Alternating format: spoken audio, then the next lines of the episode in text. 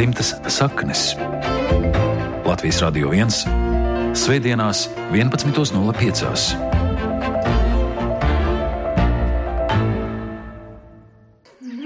Lāci! Lāci!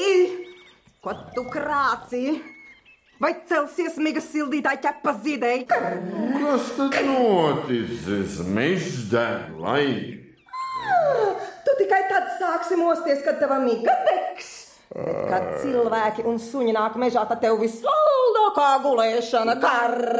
Ko ko tev cilvēki ļaunu dara? Viņi atnāk mežā ogas un sēnes palasīt, bet tu, tu gan skraidi kā negudrā. Guli vien, guli! Gan viņi tevi arī ielasīs kurvīta, kā sēne kar. Paskaties, paskaties, vai neredzi, kā vilks sakropļots. Ai, nu kas tad tev vainas, draugs? Labs draugs, tu man esi. Ha, Tagad jautā, kas vainas, bet kad mums briesmas draud, tad šis krāts savā migā. Un Kur tad tev pašas spēks palicis? Spēks! Nirgājies tikai, jo tu tur būtu bijis. Tad tavs kažoks būtu lupatu lupatās.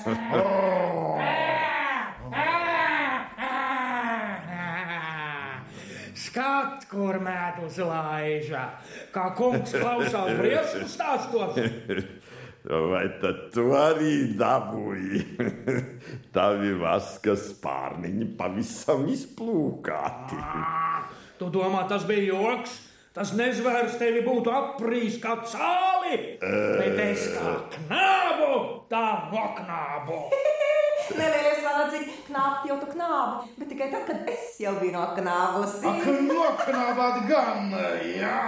Tad, laikam, kad es viņu notriecu zemē. Es jau zināju, ka jūs visi tādi spēka vīri, tādēļ es mierīgi gulēju. Nu, labi. Saki, Vana, kā tad tur īsti bija? Jā, šodien nebūs raidījums bērniem, un tomēr būs par bērniem un bērnu bērniem. Man tagad ir jautājums, vai jums bija kādas asociācijas ar šo fragmentu klātesošie lūdzu? Nu, tā ir vectēva Ludziņa, kas veltīta viņa pirmajai meitai, kas saucās Mazā meitiņa Daga un mīļais sunītis Zigi Zigi. Jā, tātad Jūlija Lāča lūga bērniem mazā daga, un šis bija radio variants. Un arī par Jūliju Lācu mēs šodien runāsim, bet es sākšu ar ziņu, ka pašlaik Kaselē prestižajā mākslas izstādē dokumenta 14 kur Vācijas presa mēdz dēvēt par mākslas olimpiskajām spēlēm. Pirmo reizi vienkopus ir izstādīti Annas Lācis, jeb Asijas oriģinālie materiāli no rakstniecības un mūzikas muzeja krājuma, Māras Ķimēls privātās kolekcijas Valtera Benjamina arhīva, Latvijas un Krievijas arhīviem, un izstādi papildina arī tās kuratora Andra Brinkmaņa uzkrātie materiāli. Un šī ekspozīcija arī Latvijā aktualizē teātra režisors un skatuves mākslas teorētiķis Annas Lācis personību un dzimtu.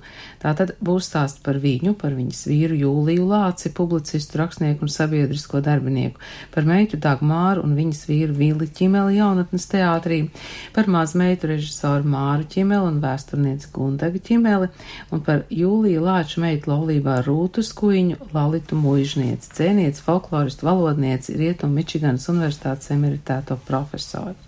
Šodien studijā Māra Ķīmēla, labdien! Labdien. Gundega Ķīmēla, labdien! Um, Lalita Muižniece, labdien! Jaunatnes teātras sakarā mums palīdzēs teātra zinātniece Silvija Geikina, labdien! Labdien! Savukārt Latvijas radio arhīvus ļoti kārtīgi ir pārskatījusi un materiālus meklējusi man kolēģi Ruta Rīkša sveiki. Labdien! Un studijā ir Ingvilds Trautman un režijā Toms Šupeiko, tātad Lāču ķimeļa dzimta šodien ir mūsu uzmanības uh, centrā. Man jautājums jums klātesošajām uh, Lāču ķimeļu ģimenes pārstāvēm, kurā brīdī jūs apzinājāties, kādā, kādā dzimtā jūs esat un kādi ir senči, vecāki, vecvecāki, kā tas notika? Vai varbūt Lalita? Nu, es protams, apzinājos tikai savu tēvu un māti. Mm -hmm. Un mm, 40. gadā, kad Dagmāra atbrauca no Maskavas, tad es pirmo reizi ieraudzīju, ka man ir arī vēl viena māsa, bez manas mazās māsas māras. Mm. Nu, tad ilgu laiku arī tā palika, kamēr daudz gadus vēlāk mēs ar Dagmāru satikāmies jau pieaugušas. Nu, es vismaz biju pieaugusi. Un nu, tad es uzzināju arī tālākos stāstus par ķimeļu dzimtu. Bet jūs satiekaties? Jā, Jā, Mēs, mēs jā, jūs ar satiekamies. Gundegu un Māru satiekaties Nu, mēs jau. satiekamies, jā. Nu, Un- jāpiebilst, ka, ka Lalita dzīvo um, praktiski divās valstīs - Amerikas Savienotajās valstīs un Latvijā. Un, un gribu gan apgalvot, ka tā Latvija viņai ir tā mīļākā. Jā, Nu, tagad jau es dzīvoju Latvijā. patreiz, jā. Es domāju, tā vispār, jo. Gundega, jums ir vēsturnieces izglītība. Jums ir bijusi arī īpaši interese papētīt savu dzimtu no tādas ne tikai um, nu, personiskā viedokļa, bet arī no vēsturnieku viedokļa.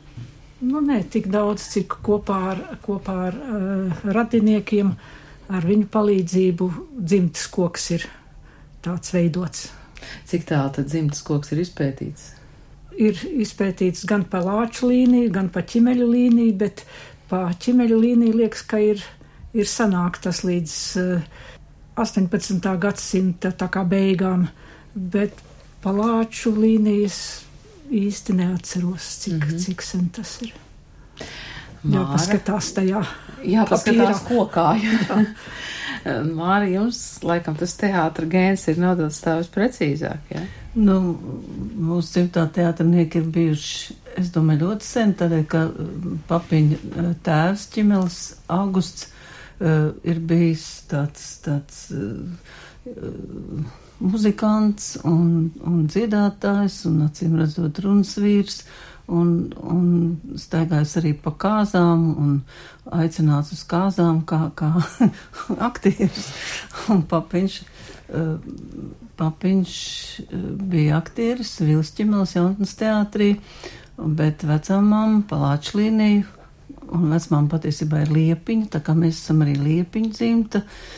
Uh, bija režisori, kas, manuprāt, ir ļoti rets gadījums, jo uh, tik uh, senā laikā, nu, tad sievietes vispār nemaz tik bieži nestrādāja, kur nu vēl režisors, un, bet tā kā viņa bija tāda aktīva un, un zinātkāra, viņa brauc, aizbrauc uz Berlīnu, uz Vāciju, iepazinās ar tā laika avangardistiem, ar teātru, jaunā teātra aizsācējiem, gan ar Brehtu kopā ir strādājusi ļoti nopietni, un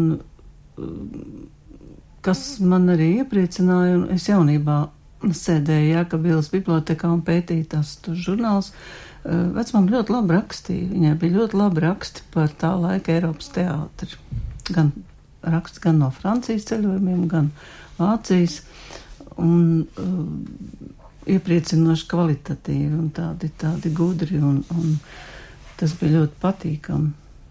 Jo es jau viņu pazinu kā vecmāmiņu, un, un vecmāmiņa viņa bija diezgan nešpetna. Un uh, tādēļ vienmēr šķiet interesanti nu, uzzināt, kāda tad viņa bija kā radošais cilvēks. Um, Silvija, jūs grāmatā par jaunatnes teātri es um, atradu vienu teikumu, ka ļoti ieinteresēts bērnu un jaunatnes teātra radīšanā bija toreizējais LPSR tautas izglītības komisārs Jūlijs Lācis. Es tolaik dzīvoju Maskavā, stāst Jūlija Lāča meita Dagmāra Ķimela. Māte Anna Lācis bija apcietināta un mana dzīve saudzīgi izsakoties bija ļoti sarežģīta. Tēvs atrakstīja, ka Rīgā organizēja bērnu un jaunatnes teātri un uzaicināja man tajā līdzdarboties. Nu, tātad bez Jūlija Lāča personiskās iniciatīvas šāds teātris iespējams Latvijā nebūtu nodibināts. Tā varēja būt? Jā, droši. Tā varēja droši būt, jā. vien, jā. Nu, un tad Dagmāra Ķimela un Vils Ķimels satikās jaunatnes teātrī. Jā, tiešām tā. Es gribu piebilst, ka mamma uh, mācījās tajā laikā Giķisā, Visavienības teātra institūtā, teātra zinātniekos. -hmm. Tā kā viņa bija tiešām arī ievirzīta šajā teātra virzienā. Ruta, saki lūdzu, ar kuru no ķimeļu uh, lāču dzimtas tu iepazinies pirmo? Es nezinu, laikam ar Vili ķimeli, ja tā nopietni domā. Jo uz, uz teātri es gāju, man liekas, ka Māris pazina pa gabalu, Gundega es nezināju, Lalita, protams, arī nezināja, un, un tur tā sanāca tā ģimenēm tā dīvaini, ka mūsu vecāki sadraudzējās, un tad pirmo man liekas, ka es iepazinu Vili ķimeli, jo, nu, tā tur, tā tur sanāca, pavisam neatkarīgi no mums, vai ne? Un, un tad mēs pamazām caur teātri, tad jau es arī vecākiem līdzgāju uz mājām pie vīļa ķimeļa, un tur tad es jau ieraudzīju gan Māru, gan Gundegu. Tas bija manā vidusskolas laikā, un tad tādas mēs apmēram bijām pēdējā klasē, visas vienādas. Mm. Nu, tajos Latvijas radio arhīvos ir daudzas balsis, vai ne, Ruta, no šīs dzimtas? Jā, jā, jā, jāsaka, patiesībā ir visas. Un, nu, jūlijas lācis nav. Jā, jūlijas lācis nav, bet, bet kaut kā tāda sajūta par viņu ir informācija, ir, ir viņa luga, un tāpēc ir tāda sajūta arī, ka par viņu ir, tāpēc, ka cilvēks stāst, viņš ir cilvēku atmiņās citu cilvēku. Jā, Lalita, par, par jūliju lāci jums laikam ir visvairāk atmiņu. Nu, jā, nu, nu, jā no klātesošais nemaz. nemaz. Man bija pieci gadi kad man tēva apcietināja, un, mm. un janvārī, jūnijā izveda, un decembrī viņš jau bija mirs. Protams, mēs jau par to nezinājām. Dagmār, Dagmār bija pirmā, kas uzzinājusi, bija, ka par šo it kā nāves datumu, par ko mēs visi zinām, ka tie nāves datumi, nu, varētu būt tik vai tur. Mm -hmm. Nu tā, nu no tā man piecgadīgā bērna atmiņām, viss, ko es varu teikt, ka man bija vismīļākais tētis, apmēram tā. Mm -hmm. Jā, man viņai arī vismīļākais bija teicis. nu, man šķiet, ka, ka te ir tagad jāpasaka, ka Julijam Lācim bija divas laulības, ja tad viena ar Annu Lācis un, un meita ir Dagmāra Ķimela, un uh, otra ir ar Rūtu Skuiņu, un Lalita, tad jūs esat. Uh, um, meita. Nu, es esmu vecākā meita, jā, mm -hmm. tad man ir vēl māsiņa Māra, diva pusgadu jaunāka, tā mm -hmm. tad Māra, nu, tikpat kā neko nec, nu, viņa kaut ko tomēr atcerās, bet arī tikai tāds maza bērna atmiņu zipsnīšas. Jā, Jūlijas Lācis droši vien, ka daudz šo vārdu ir dzirdējuši latviešu žurnālists, literāts, sabiedriskais darbinieks, preses izdevuma jaunākās ziņas un atpūta līdzstrādnieks un pēc Latvijas okupācijas 40. gadā tautas saimnes deputāts un arī ministrs. Um, tā oficiāla apsūdzība par ko ģimene zināja? Varbūt, ka man māte zināja, bet mm -hmm. man māte pilnīgi atsacījās par šo laiku runāt. Tātad es zinu tikai, no, tikai to, kas tad vēlāk ir parādījies presē, vai kas ir parādījies, nu, tad, kad es biju Amerikā, man atrakstīja tāds upītis, es tagad nevaru atcerēties viņa priekšvārdu, kurš bija strādājis izglītības ministrijā pēc 40. gadā ar tēti, un viņš teica, es jums gribu pastāstīt, ka Julija Lāci, manuprāt, apcietināja tādēļ, ka, tā, ka viņš kļuva par to izglītības ministru, bija pavēles, nu tagad visu iepriekšējo literatūru nu, nosaucīt, un tā un viņš esot sācis protestēt, un tā vienreiz un otrais, un tad tajā 7. janvāra naktī, tad nākošā rītā viņš uz darbu neatgriezās. Bet, nu, tā ir atkal viena cilvēka tāda, tāda veida atmiņa. Bet es esmu arī tā pamanījis arī citas tādas līdzīgas versijas, bet um, kur no tām vai vispār varbūt visas ir mm -hmm. patiesība, es nezinu. Oficiālajās apsūdzībās bija arī vēl tas, ka eh, tad, kad viņš bija atpūtas redaktors un Un arī jaunākajās ziņās, ka ir publicēti raksti, kuri nomelno padomu savienību. Nu jā, tā bija tā oficiālā. Tā jā, bija oficiālā versija. Nu, tagad mēs varam paklausīties vienu ierakstu no Latvijas radio arhīva. Tas ir 1963. gads, un es domāju, ka arī tās intonācijas un jautājumu un atbildes kādā formātās uh, skan, um, tas liecinās par to laiku. Tā ir uh, Valentīnas Freimans intervija ar Annu Lāci, kur ir atgriezusies no Vācijas. Piedra Lāce, mēs dzirdējām, ka jūs nesen bijāt Vācijas Demokratiskajā republikā. Jā, Vācijā es biju divus mēnešus. Un šajā laikā es uzzināju ļoti daudz jaunu un interesantu. Vai jūs bijat tikai Berlīnē? Galvenām kārtām Berlīnē. Bet kultūras ministrija sūtīja uh, mūs ar Bernhardu Reichu, rakstnieku, atpūsties Agenshopa kurortā, Ozē. Ko jaunu un interesantu jūs tur redzējāt? Mm, tur sevišķi daudz jaunas neredzēju, jo tur galvenām kārtām atpūtamies no balkona, kur mēs dzīvojam viesnīcā. Mēs redzējām un dzirdējām viļņojošo jūru. Un naktī tālumā bija redzami uguns signāli no kuģa bākas, no tāliem dāņu ūdeņiem. Tajā laikā es biju arī Rostokā un modernajā kurortā Varneminde. Nu, tur droši vien arī daudz kas interesants. Nu, Rostoka ir eh, izvērsies par lielu topošu interesantu ostas pilsētu. Kādas jaunas parādības kultūras dzīvē jums liekas vissvarīgākās, visievērojamākās? Nu, es zināms, runāšu atkal par savu objektu, par teātri. Nu, varētu salīdzināt. 35 gadus atpakaļ es biju Vācijā. E, tad es biju arī bezmareiz Berlīnē, kad strādāju par preses šefu kino nodaļā, padomu tirniecības pārstāvniecībā. Tad es iepazinos jau ar Berlīnas teātriem. Tad uz Berlīnas skatuviem valdīja tukšs fars pornogrāfiju un sirds satricinošu melodramu, ja tā varētu teikt. Reinharda Jesnera un Piskāto teātra bija izņēmums. Bet tagad teātros bez izņēmumiem repertuārs ir ideoloģiski izturēts, progresīvs un mākslinieciski vērtīgs. Berlīnē ir daudz teātru, un katrs meklē savu radošo seju un savu repertuāru. Nu, piemēram, es nosaukšu galvenos teātrus. Vācu teātris, Deutsche teātris, Kamerspīle, tie ir bijušie Reinhardt teātri, Volksbīna tautas teātris, Berlīner ansambl, Brehta teātris, Gorķīva teātris, Teātra der Freundschaft, mm, Daudzības teātris, Jaunatnes teātris, Vācu valsts opera, komiskā opera, operetes teātris un kabarē distila dads. Bet jūs vēl nekā nesat teikusi par to teātri, kas jums droši vien vistuvākais? Jā, man jāsaka, mans mīļākais teātris tiešām ir tas, par ko jūs tagad domājat. un kamēr es biju Berlīnē, Berlīnas ansamblī, es jutos kā mīļās un tuvās mājās. Es redzēju visas izrādes Brehta teātrī. Daudzreiz piedalījos mēģinājumos un izteicu arī savas domas. Piemēram, tagad tiek mēģināta māte pēc gorķiem motīviem, eh, kura tiek atjaunot jau ceturto reizi.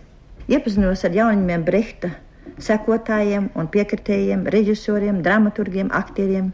Dažādās vietās, kantīnē, teātrī, foijē, teātrī un eh, viesnīcā, kurā es dzīvoju. Bieži mēs bijām kopā kafejnīcās, restorānos. Piedalos arī diskusijās, kad bija tikšanās ar skatītāju. Teātris intendante ir galvenā aktrise Helēna Vaigela Brehta. Ļoti gudra un radoša vadītāja. Tātad tagad pēc Brehta nāves šo teātri vada kolektīvi. Nu, intendante ir tomēr kā galvenā vadītāja, bet eh, princips ir kolektīvs. Teātris, var teikt, atrodas savu radošo spēku uzplaukumā. Helēnai Vēgelei palīdz vesela grupa jauno režisoru un dramaturgu. Un tie cilvēki prot domāt un nopietni studē marksismu un dialektisko materiālismu. Aizstāv dedzīgi partijiskumu mākslā. Un viņiem tiešām ir izdevies pēc Brehta nāves ne tikai saglabāt, bet arī tālāk attīstīt Brehta tradīcijas. Nu, jā, jūs jau pazīstat šīs tradīcijas arī no praktiskā darba. Kādreiz jūs taču strādājāt kopā ar Brehtu? Jā, tas bija sen, 20. gados, bet vēlāk es ar viņu tikos. 20. gados no sākuma es strādāju ar viņu kopā Minhenē kā režisora asistente un spēlēju arī jauno Eduāru. Viņš taisnība inscenēja Eduāru II. Es redzēju pirmo variantu trīs grašu operu 1928. gadā Berlīnē, kur viņam deva pasaules slavu. Beidzamā satikšanās ar Brehtu man bija Maskavā 55. gadā, kad viņš atbrauca saņemt Liģina mieru prēmiju.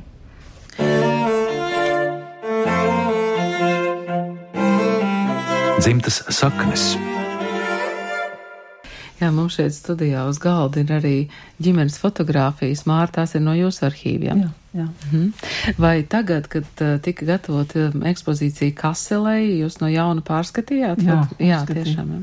Mhm. Andris bija atbraucis uz Rīgu, viņš dzīvo Itālijā, un, un tad skatījām cauri visu, un, un tad viņš atlasīja, ko vajadzīgo.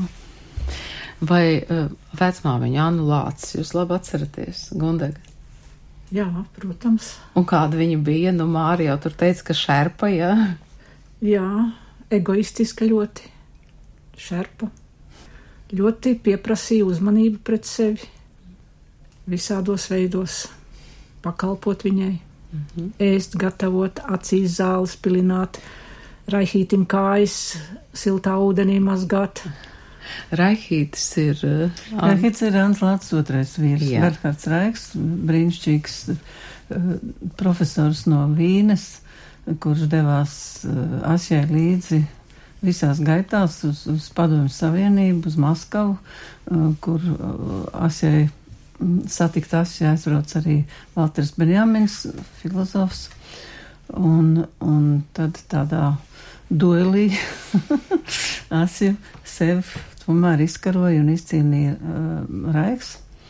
Un tā arī viņi kļuva par, par dzīves biedriem uz visu atlikušo mūžu, izņemot tos desmit gadus, kad abi divi apcietinājumā uh, atradās Lēģerī, vecā māma Karagandā, bet Raihīts vispār visdrausmīgākajā mm, koncentrācijas, Staļina koncentrācijas nometnē ar numuru, numuru zīmi bez uzvārda un, un, un tādā briesmīgā.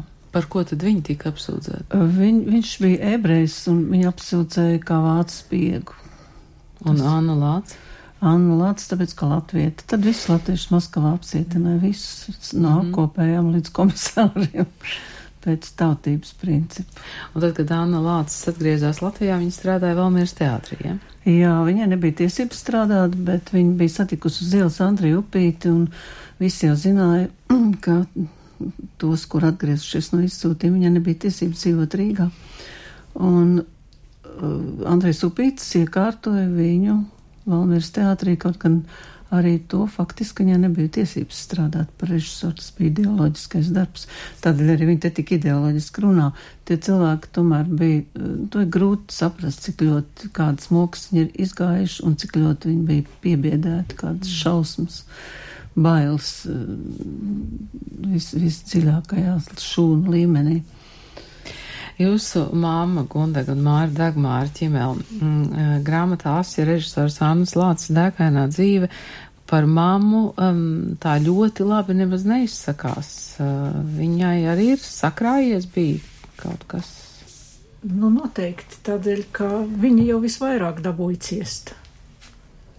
Viņai bija jāskrien darba laikā pusdienas gatavot vecai mammai un, un uz katru svilpienu, kā saka, vienmēr, vienmēr Tas jau jāskrien. tas, jau, tas mazākais, tā Bet trauma bija arī- bērnībā. Bet, jā, visvairāk jau, protams, tās bērnības, jo viņa vienmēr bija viena. Un vai pie, vai pie svešiem cilvēkiem? Nu, mammai tā kā pie svešiem, vecai mammai jau tie bija, pie, pie, tie bija draugi, pie kuriem viņi viņus atstāja, sākot ar Linārdu Laicēnu un, un, un Bramberģīte Elvīru un, un daudziem citiem. Nu, mēs te varam paklausīties, ko Dagmāra Ķimela saka sarunā ar Aldu Briedi. Tas ir eh, tajā laikā, kad iznāk šī grāmata. Izdevīgāk bija neatklāt, ka jūs esat Jūlija Lāča meita. Ziniet, tas manā biogrāfijā vienmēr nāca līdzi, jo man līdz ar to gana jūlija jau no 40. gada, vai ne, un arī agrāk, ka, teiksim, ka es dzīvoju, es taču līdz 40. gadam, mamma, mēs dzīvojam Maskavā. Un tad lūk, ka man tēvs ir ārzemēs. Tas jau bija krimināls, un 35. 36. gadā es sarakstījos ar viņu. Un pēc tam man māte vienu dienu pateica, zina, ko dāga, tu vairs neraksti, tāpēc, ka tas ir dikti bīstami. Ja ir sakara ar ārzemēm un vēl tāds tūs rats, tavs tēs, lūdzu, izbeidz rakstīt. Un tad es arī nerakstīju vairs. Un tikai 40. gadā, kad lūk, te Baltijas valstis pievienojas Padomju Savienībā, augustā atbrauca uz Maskavu visas tās trīs delegācijas kopā, un es satiku savu tēvu pēc. Tātad 26. gadā mēs aizbraucam, 14 gadi es biju maziņā aizbrauktot, un nu, man bija jau 21 gads, un mēs satikāmies. Nu, tas bija tiešām tāds ārkārtīgi neaizmirstams un ļoti emocionāls brīdis. Nu, es nezināju, ka man māte apcietināta. Un faktiski pirmais jautājums, ko viņš man uzdeva, kad mēs uzbraucam tajā Maskavas viesnīcā, tur tais istabās, viņš teica, kā mamma? Es sāku raudāt, es saku, mamma, nu jau ne, divi gadi kā apcietināta. Un viņš bija ļoti tā satriekts. To var arī redzēt, ka viņam tas bija tāds smags sitiens. Kā viņš viņu nekad, man liekas, nav aizmirsis. Grāmatā ir tāds teikums atrodams, ka e, jūsu piedzimšana būtībā ir pātrinājusi viņu e, šķiršanos. Jums vēl nebija gads, kā viņi izšķīrās. Jā, jā, jo tad es piedzimu Orlā bēgļu gaitās. Mm, Tēvs tur strādāja kaut kur pie apgādes, pie armijas. Māte bija ar mani mājās, bet viņa taču nekad viņa vienmēr es neesmu tikai māte, tikai sieva, es esmu ar savu profesiju, es esmu ar savu, kā saka, aicinājumu, un es gribu arī priekš sabiedrības strādāt. Un tas viņa stāvēja pāri visam. Un tāpēc bija ārkārtīgi viņam lieli konflikti, ka mans tēvs atkal vienmēr viņš gribēja bērnus. Viņš ļoti mīlēja bērnus. Un viņš bija ilgus gadus, astoņus gadus kopā ar Lūci Zamaiču, kas ārkārtīgi interesants cilvēks un talantīgs, un, bet viņam nebija bērnu. Un Jūlijas nevar, viņš gribēja normālu ģimeni ar bērniem. Un tagad, kad es piedzimu un man māte, nu, viņa sāk nodarboties ar ļoti plašu uh, darbību, viņa sāka, cik uh, tiešām tas skan paradoxāli, ar latviešu bēgļu bērniem. Viņa viņiem taisīja teātri, uz, uzveda izrādes, bet es miesīgā meita gulēju slapjos autiņos, gulēju nepabarota, bļāvu brēcu, taču bija projām, viņš vakarā nāca, viņš mātei pārmeta. Un tad, nu, bija uguns pakulās. Par šo grāmatu man gribējās tā, lūk, parādīt medaļas otro pusi, lai redz, kāda viņa bija kā māte. Viņa bija slikta māte, jāsaka. Kāda viņa bija kā sieva, kāda viņa bija kā sieviete, kā mīļākā, jo viņa taču bija ārkārtīgi sievišķīga, ārkārtīgi koķetīga.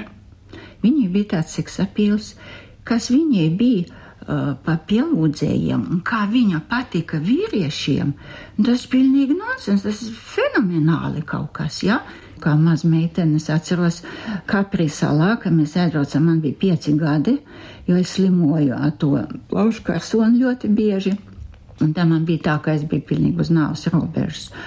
Un ārsti teica, ka mātei vajag man aizvest kaut kur saulītē, kā saka, uz dienvidiem, kaut kur jā, iespējams tā un mamma jau bija kopā ar Raihu, man patēvu. Viņš tajā laikā bija Berlīnē ļoti tāds uh, talantīgs, topošs uh, režisors Reinharda teātrī. Un viņš teica, jā, es finansēšu, vajag finansēšu.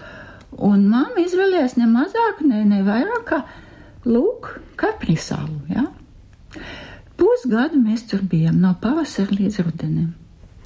Jā, tā Dagmāra ķimela par uh, savu māmu Annu Lācis un uh, tēvu Jūliju Lāci, uh, bet uh, es domāju, ka ir laiks arī noskaidrot uh, Annas Lācis to nozīmi Eiropā un attiecībās ar Eiropas intelektuāļiem. Un te mums var palīdzēt literatūras zinātniecis Beāts Paškevičs uh, teiktais. Viņa ilgtermiņā pēta Annas Lāces devumu un ir publicēta vācu valodā arī monogrāfija par Annu Lāci, un viņa arī mm, sāk ar stāstu par Kaprī. Kaprī salam, tas atslēgvārds saistībā ar Walteru Benjaminu.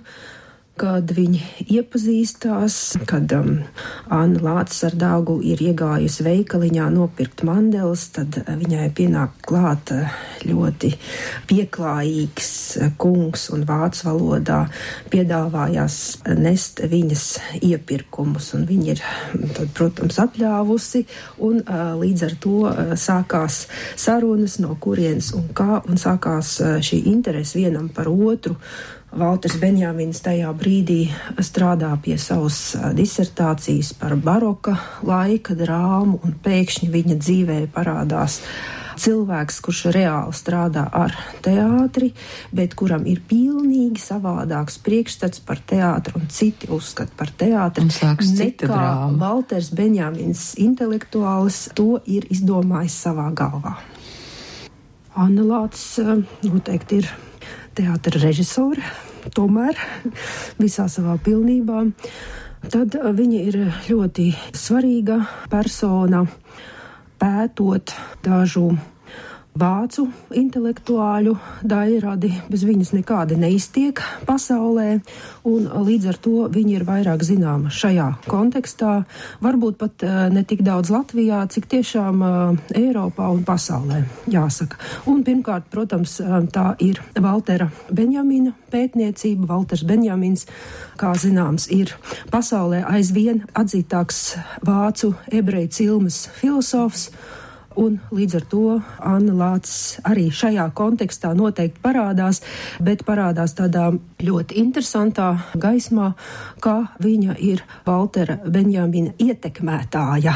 Un tas, protams, viņai arī kā sievietei ir nu, ļoti interesants fenomens, jo šīs sieviešu ietekme ne tikai erotiski vilinošā, bet tieši arī ideju un uzskatu paudējas ietekme ir ļoti būtiska un modernajā 20. gadsimta beigu kontekstā ir arī aizvien no jauna atklājama un būtiski svarīga.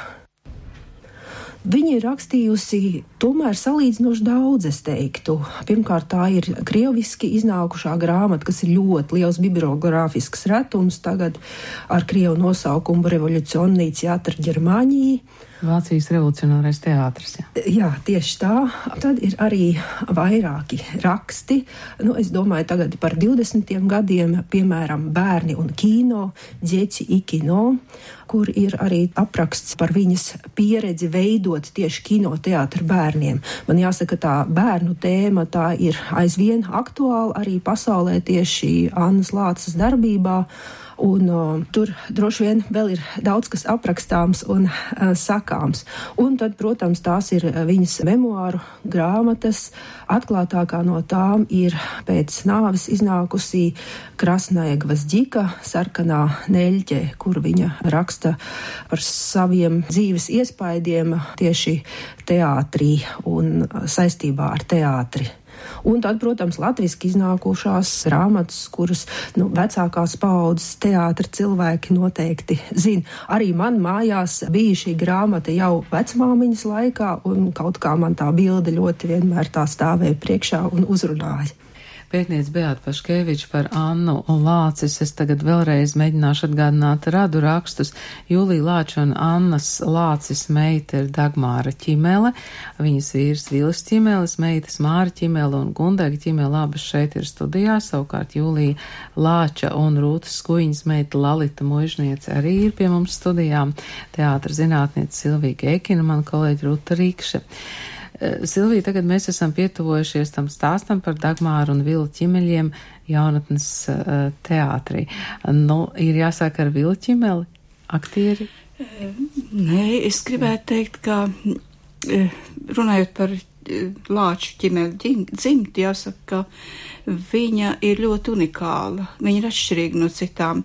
Pasaulē un Latvijā jau nav mazums tādu aktieru mākslinieku dzimtas, kur vec, bērni turpina vecāku profesiju, bet šī dzimta ir iespaidīga un unikāla ar to, ka sākot ar Annu Lāci un arī vēlāk ar Dagmāru un Vīli Ķimeli, viņi ir tādu, nu, jaunu, nebijušu ceļu aizsācēji Anna Lācis ir jauns teatrālās izteiksmības meklētāja. Mēs jau dzirdējām par, par viņas pieredzi pie Bertolta Brehta un, un Piskatora politisko teātri, uz kuru viņa ir liels iespējas. Un arī, un man, piemēram, pilnīgi fascinē tas, kā, kā Anna Lācis ir Orlā darbojusies ar šiem bezpajumtniekiem, ar tiem bērniem. E, tas ir unikāls gadījums tajā nozīmē, ka tā nebija kaut kāda tikai tāda laika pavadīšana kopā, bet tā bija iepazīstināšana ar mākslu. Un, un šeit ir ļoti izteiksmīgs gadījums, kad māksla uh, palīdz cilvēkam ne tikai garīgi, bet arī palīdz fiziski izdzīvot, un tas Annas Lācis gadījumā ir diezgan bieži jūtams. Un tad jaunatnes teātrī Dagmāra un Vilis ķimeli ir, ķimeļi ir pirmās sezonas, nu, var sakot, viņi ir bijuši pie jaunatnes teātra dibināšanas, pie bērnu un jaunatnes teātra dibināšanas. Dagmāra Lāca kā politiskā audzinātāja, kas daudz stāstīja par, par mākslu un par, par Maskavu un, un Vils Ņemels kā, kā pirmo lielo lomu attēlotājs, kā pirmais Buratīno, kurā viņš, ka mēs lasām recenzijās, ne tikai kā tāds bērnišķīgs eh, vai draiskulis, bet jau parādās kā tāds cīnītājs par kaut kādu jaunu pasauli, par kaut kādu jaunu iekārtu. Tā, tur recenzijās ir rakstīts, un Dagmāra ķimeli, kas, nu, ļoti palīdz. Un Te mēs dzirdējām, ka, ka tiešām radoši cilvēki, ja viņi ir no sirds velti sevi mākslai, viņiem bieži iznāk ģimenē pārnodarīt, ļoti bieži. Nu, tādā ļoti naivā un saudzīgā veidā, tas jau bija arī Dagmārs un, un Vīļa gadījumā, viņiem taču nebija laika apprecēties. Viņi kopā bija e, satuvinājušies un iemīlējušies, un viņiem bija mēģinājumi, un Dagmārai bija arī savas nodarbības, un viņiem, nu, pilnīgi gandrīz vai nebija minūtes, kad viņi varēja aiziet uz dzīves rakstu nodaļu. Tādēļ, nu, labi, Dagmārai iznāca ciest tā vairāk, mārai noteikti tā nebija, viņai ļoti gādīgs tēvs un māte un, un, un vienmēr ir bijuši. Bet tā mākslas mīlestība un tā atdeve darbam un, un sajūsma par, par to darbu, tā nāk no Annas Lātes, un tā ir cauri arī, arī ģimeļiem, un, un es domāju, ka Mārai ar tas pats ir, ka viņai jau arī pirmā vietā ir māksla, uh, teātrs un viņi turpina kaut kādā veidā šo um, jaunu ceļu meklējumus, jo tas man ļoti patīk pie šīs ģimenes. Viņi nav turpinātāji, nu kaut kādā ziņā viss mēs esam kaut kā turpinātāji, bet viņi ir pirmatklējēji, un tas, tas, ir, tas ir būtiski. Tas ir, tas ir ļoti zīmīgi tieši šai ģimenei. Sakiet, no šeit klātesošajiem, kuriem ir atmiņas par to, kāds uh, Vils Čimels bija aktieris uz skatuves? Jums sal... nē. Nu, nē. Man arī, diemžēl, nav. Jauns un skaists. Jā. Jauns un skaists. Viņš bija ārkārtīgi jauneklīgs, un viņš izskatījās tik jauns eh, vēl līdz 50 gadiem, un, un tādēļ viņam bija tā problēma, kur ir visiem uh, jauneklīgajiem aktieriem un aktrisēm, uh, kur nevar pāriet uz tā saucamajām māt, māt, mātēm un tēviem spēlēt, ja tos, tos vecākos, vecāko paudzi, jo viņi tik jauni izskatās. Jaunatnes teātrī jau tā ļoti daudziem bija kaut vai. Nu, jaunatnes teātrī jau tas ir pat labi, vai? Nu, tieši tā, bet, nu. Viņš bija labs aktieris un viņam deva tās galvenās lomas, un tad viņš teica, nē, jaunajiem arī jāstrādā, un tā kā pavērsās tāda iespēja viņam kļūt par to direktoru vietnieku, tad viņš pēc 50 gadiem tā arī aizgaita. Es jau arī neesmu redzējis nevienu no lomām, bet es, es esmu, bet es esmu daudz princesi Gundega, mm -hmm. atceros uh, Maiju un Paiju, atceros Sniedziņu tāpat. Mm -hmm. Jums te ir viena liela bilde no Laimas Lāča, jā, jā. viņš bija Ješka. Ješka. Man ir tāds sajūta, ka šobrīd uh, jau šeit studijā veidojas zinām diskusija par teātra uh, vēsturi, kurš bija vai kurš nebija Buratīnā, bet um, Vīli Ķimela Ruta tu satiki tad, kad viņam bija arī 9 95 gadi, un tur viņi sarunājies 2006. gadā. Jā, nu tas tā, man liekas, bija tā pēdējā lielā skaistā jubileja eh, gan Vilim Čimelim, gan visiem viņa eh, draugiem, radiem ģimenei. Protams, arī es domāju, ka vairums no tiem, kas šodien sēž radio studijā ap vienu galdu, mēs arī toreiz bijām Lakstīga lielā, jo tas ir uh, mais, mais laikam bija. Un, jo, Nu, tad man pareizi ir uzrakstīts, tas ir 14. maija, un tad, tad 2006. gada 14. maijā arī man bija tas gods sveikt Vili Ķimeli. Un tad es, nu, žurnālists ir žurnālists arī dzimšanas dienā. Lalīt, jūs arī toreiz bijāt Lakstīga lielā? Es biju arī, jā, jā. tajā jubilejā, jā. Mm -hmm. Visus pēdējos gadus no 90. gada sākot līdz pēdējai Viļa dzimšanas dienai. Es biju arī tur. nu, tātad 2006. gads un Vils Ķimels. No, nodzīvojis 95 gadus, bet teātra nav. Kurā teātrī strādātu, lai tomēr tas teātris nepajuktu tā kā jaunatis pajuka. Tāds teātris, kurš ir vajadzīgs un šodien vairs nav. Un neviens arī, cik es tā jaužu, nedomā par to, lai viņš eh, būtu, lai viņu atjaunotu. Māra teica, ka tu esat bijis uz pirmizrādi, Māras izrādē. Kā tev patika? Māras pirmizrādēs noskatījos. Un atklāt sakot, man šī izrāde patika prostitūta un uh, priestars. Nu, bet izrādē jau galvenais jau tomēr ir, kāpēc viens viņai ir bardām un kāpēc viņš ir mācītājs. Tur ir dziļāts pavisam cita domā apkārt. Nu, galvenais ir tas, kad, kad mums ir bardāmas, mums ir priesteri, bet viņi jau nepilda tās tos savus uzdevumus, kādēļ viņi ir viens vai otrs. Jo ne viņš ir īsts priesteris, ne viņa ir īsta bardāma. Zem tā viss slēpjas mūsu patiesā dzīve, ka bez mīlestības, bez cienīšanas vienu otru mēs nevaram dzīvot. Jo tā mīlestība ir tā skaistākā, jo tā mīlestība tomēr mums visiem ir vajadzīga, un bez mīlestības nav dzīvošanas. Kā tu domā, vai tev mīlestības dzīvē ir bijis ļoti daudz? Ar Dagmāru nodzīvojot visu šo laiku. Mums bija gan mīlestība, gan, gan varbūt bija arī kaut kādas domstarības, bet es nevaru iedomāties šodien vai kāda cita dzīve ar kādu citu sievieti var būt bijis skaistāka, kā tā bija ar Dagmāru.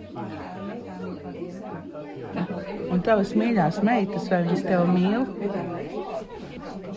Manas mīļās meitas, Māra un Gundega, tagad es tikai saprotu, kad arī viņas saprot to laiku, kad viņas auga, kad viņas gāja skolā, kad viņas studēja, kad mums ar Dagmāru nebija tas spožākais un bagātākais, paticīgākais laiks, bet tomēr mēs priecājamies par to, ka mēs tomēr viņas varējām māru aizsūtīt uz Maskavu, mācīties tur. Un tajā laikā studente 65 roļiem Maskavā dzīvot, nekāda rožainā dzīve viņai nebija. Bet neskatoties uz to, tagad es saņemu to pateicību par to, ko mēs ar Dagmāru tajā laikā, kad viņas bija mazas un mācījās. Tā ir pateicība, viņas prot to novērtēt. Dzimtas saknes. Vils Čimels 2006. gadā, viņam ir 95. dzimšanas diena, nu, mīļās meitas Māra un Gundega, vai jūs kādreiz esat domājušas par to, kas jums ir nācis um, no dzimtas, nu, gēnos līdzi? Labs, slikts, um, strīdīgs? Laikam jau darba mīlestība tomēr. Noteikti. Mums bija ļoti krietni vecāki. Jā. Jā. Apbrīnojami krietni.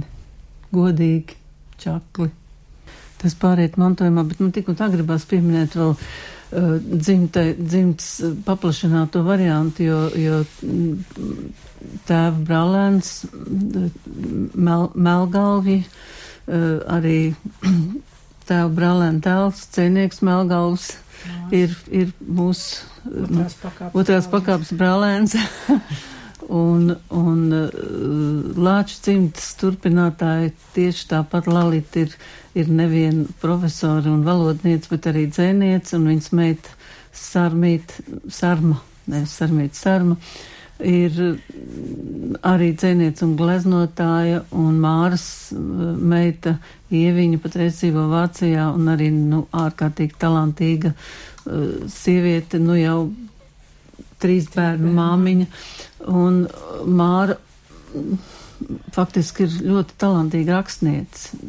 Viņai, viņai ir tēva arī Jūlija Lāča iedzimtais talants, un, un tad vēl man gribās piebilst, ka mūsu rādi ir izpētījuši, ka patiesībā mēs neesam ķimeļi, bet ķimuļi. Un ķimulis tas ir tāds mazs putniņš, kuram otrs nosaukums ir dadzītis. Un, Uh, papiņš sauca mammu par dadzīti, jo viņa Dagmāra. Un viņa teica, dadzīt, dadzīt, un izrādās, ka uzvārds arī ir dadzīts. Tā kā mēs esam faktiski nevis ķimeļi, bet ķimuļi. Dadzīši. Dadzīši, tad putniņi. Darba mīlestība un uh, talanti. Um, Lalita, vai jums ir tādi jautājumi, ko jūs gribētu uzzināt, noskaidrot par savu dzimtu, par saviem radiniekiem? Es ar lielu prieku klausījos Dagmāras stāstu, tagad to, to ieskaņoto. Kaut arī, nu, protams, tas ir arī asjā. Nu, es vairāk varbūt par Dagmāru un Dagmāras ģimenes esmu uzzinājis tieši no tās grāmatas, bet klausīties viņas pašas balsī un, un tajā stāstījumā tas bija Varbūt tā es, es pieminēšu dažus tādus brīžus, kad es man ar Dagmāru saskaru. Ja? Tā kā pirmais, protams, bija tā 40. gadā, kad viņa atbrauc, atbrauc uz Latviju, un tad viņa palika pie mums. Un tu biji 5 gadi, jā? Ja? Un man bija tie, nu, toreiz man bija 4 gadi vēl. Un, uh, um, nu, tur viņa palika tā neilgu laiku, jo Mm, kā Dagmāra pat raksta, un to es tajā brīdī arī neapzinājos, ka viņa ar mani māti tur gāja vis visādāk. Man māte ir dvīnis pēc svaigsnājiem, un viņa tiešām varēja būt tāda un, un šitāda. Un, un to arī Dagmāra raksta, ka reizēm viņai licies, ka, ka, ka Rūta ir tiešām nešpatna, un tad pēc tam viņa teica, bet tad viņa varēja arī būt ļoti labestīga un ļoti izpalīdzīga. Nu, tāda tā Rūta bija, bet, nu, un, un Dagmārai bija sajūta, ka Rūta ļoti greizsirdīga.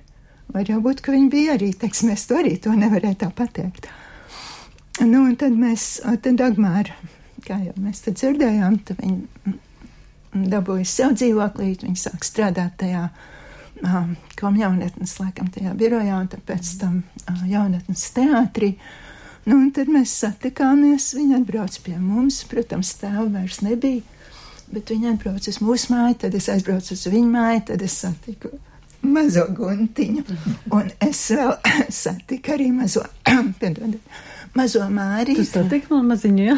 jā, jo Mārīta piedzima 43. gada decembrī, un mēs jau izbraucām no Latvijas tikai 44. gada septembrī. Aha.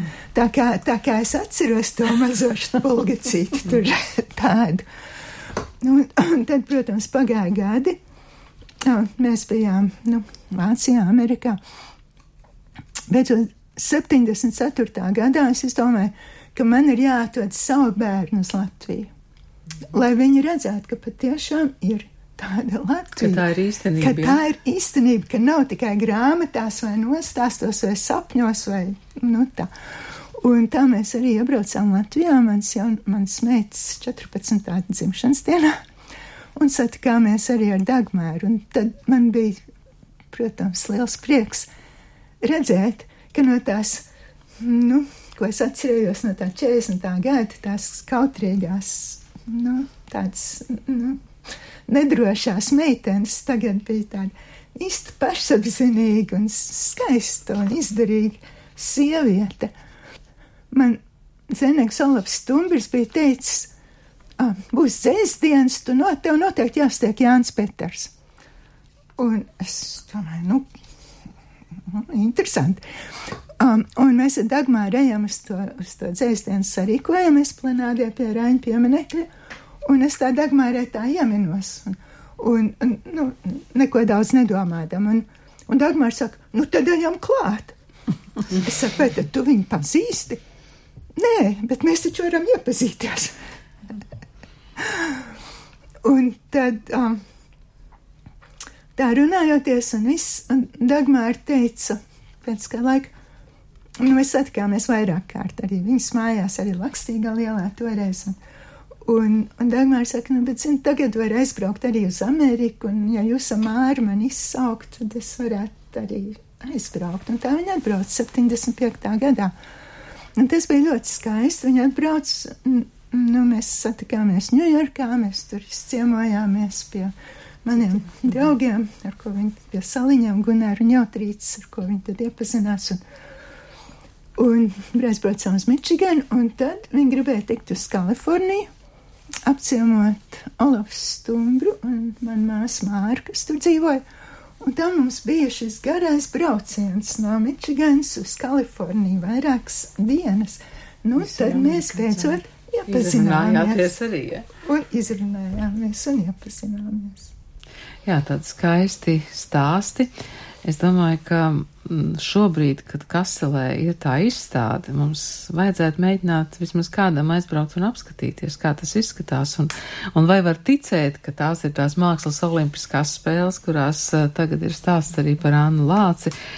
Bet uh, 2015. gadā Latvijas kultūras akadēmijā notika konferences kreisuma ideja kultūrā paroli Asja, Tajā runāja arī pētnieks Andris Brinkmans, kurš tagad ir šīs Kaselas ekspozīcijas kurators, un ar viņu teikto es eh, šodien arī noslēgšu šo raidījumu, gaidot, kad Kaselas izstādē būs turpinājums atbildot uz vairākiem jautājumiem. Un es atgādināšu, ka šodien studijā bija Lalita Mužniec, Māra Ķimela, Gundega Ķimela, Silvija Geikina, Ruta Rikše un arī es Ingvilds Strautman. Tātad tagad vārds pētniekam Andrim Brinkmanim. Kāds bija Latvijas darbības vēsturiskais konteksts, kas īsti notika Latvijā 20. gadsimta sākumā, un kādos notikumos bija iesaistīti nevien asi, bet vesela virkni Latvijā dzimuši progresīvi intelektuāli, sākot ar Gustavu Kulci, Laicēnu, Rainu un citiem kreis domājušiem latviešiem. Kādas tad īsti bija kreisuma idejas, kuras izplatījās gadsimta sākumā Eiropā, un vai tās visas reducējams un saistāms tikai un vienīgi ar komunismu? Man liekas, šis ir viens no aspektiem, kur vismaz vietējā kontekstā būtu ļoti mm, vēlams eh, pārskatīt un pārdomāt.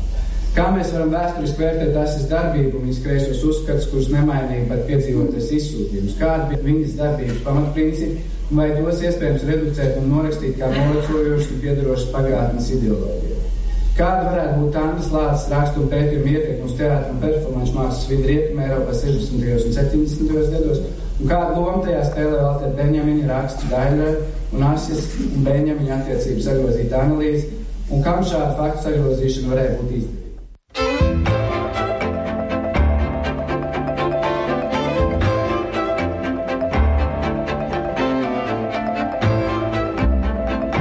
Dzimtas saknes Latvijas Radio 1 Svētdienās 11.05.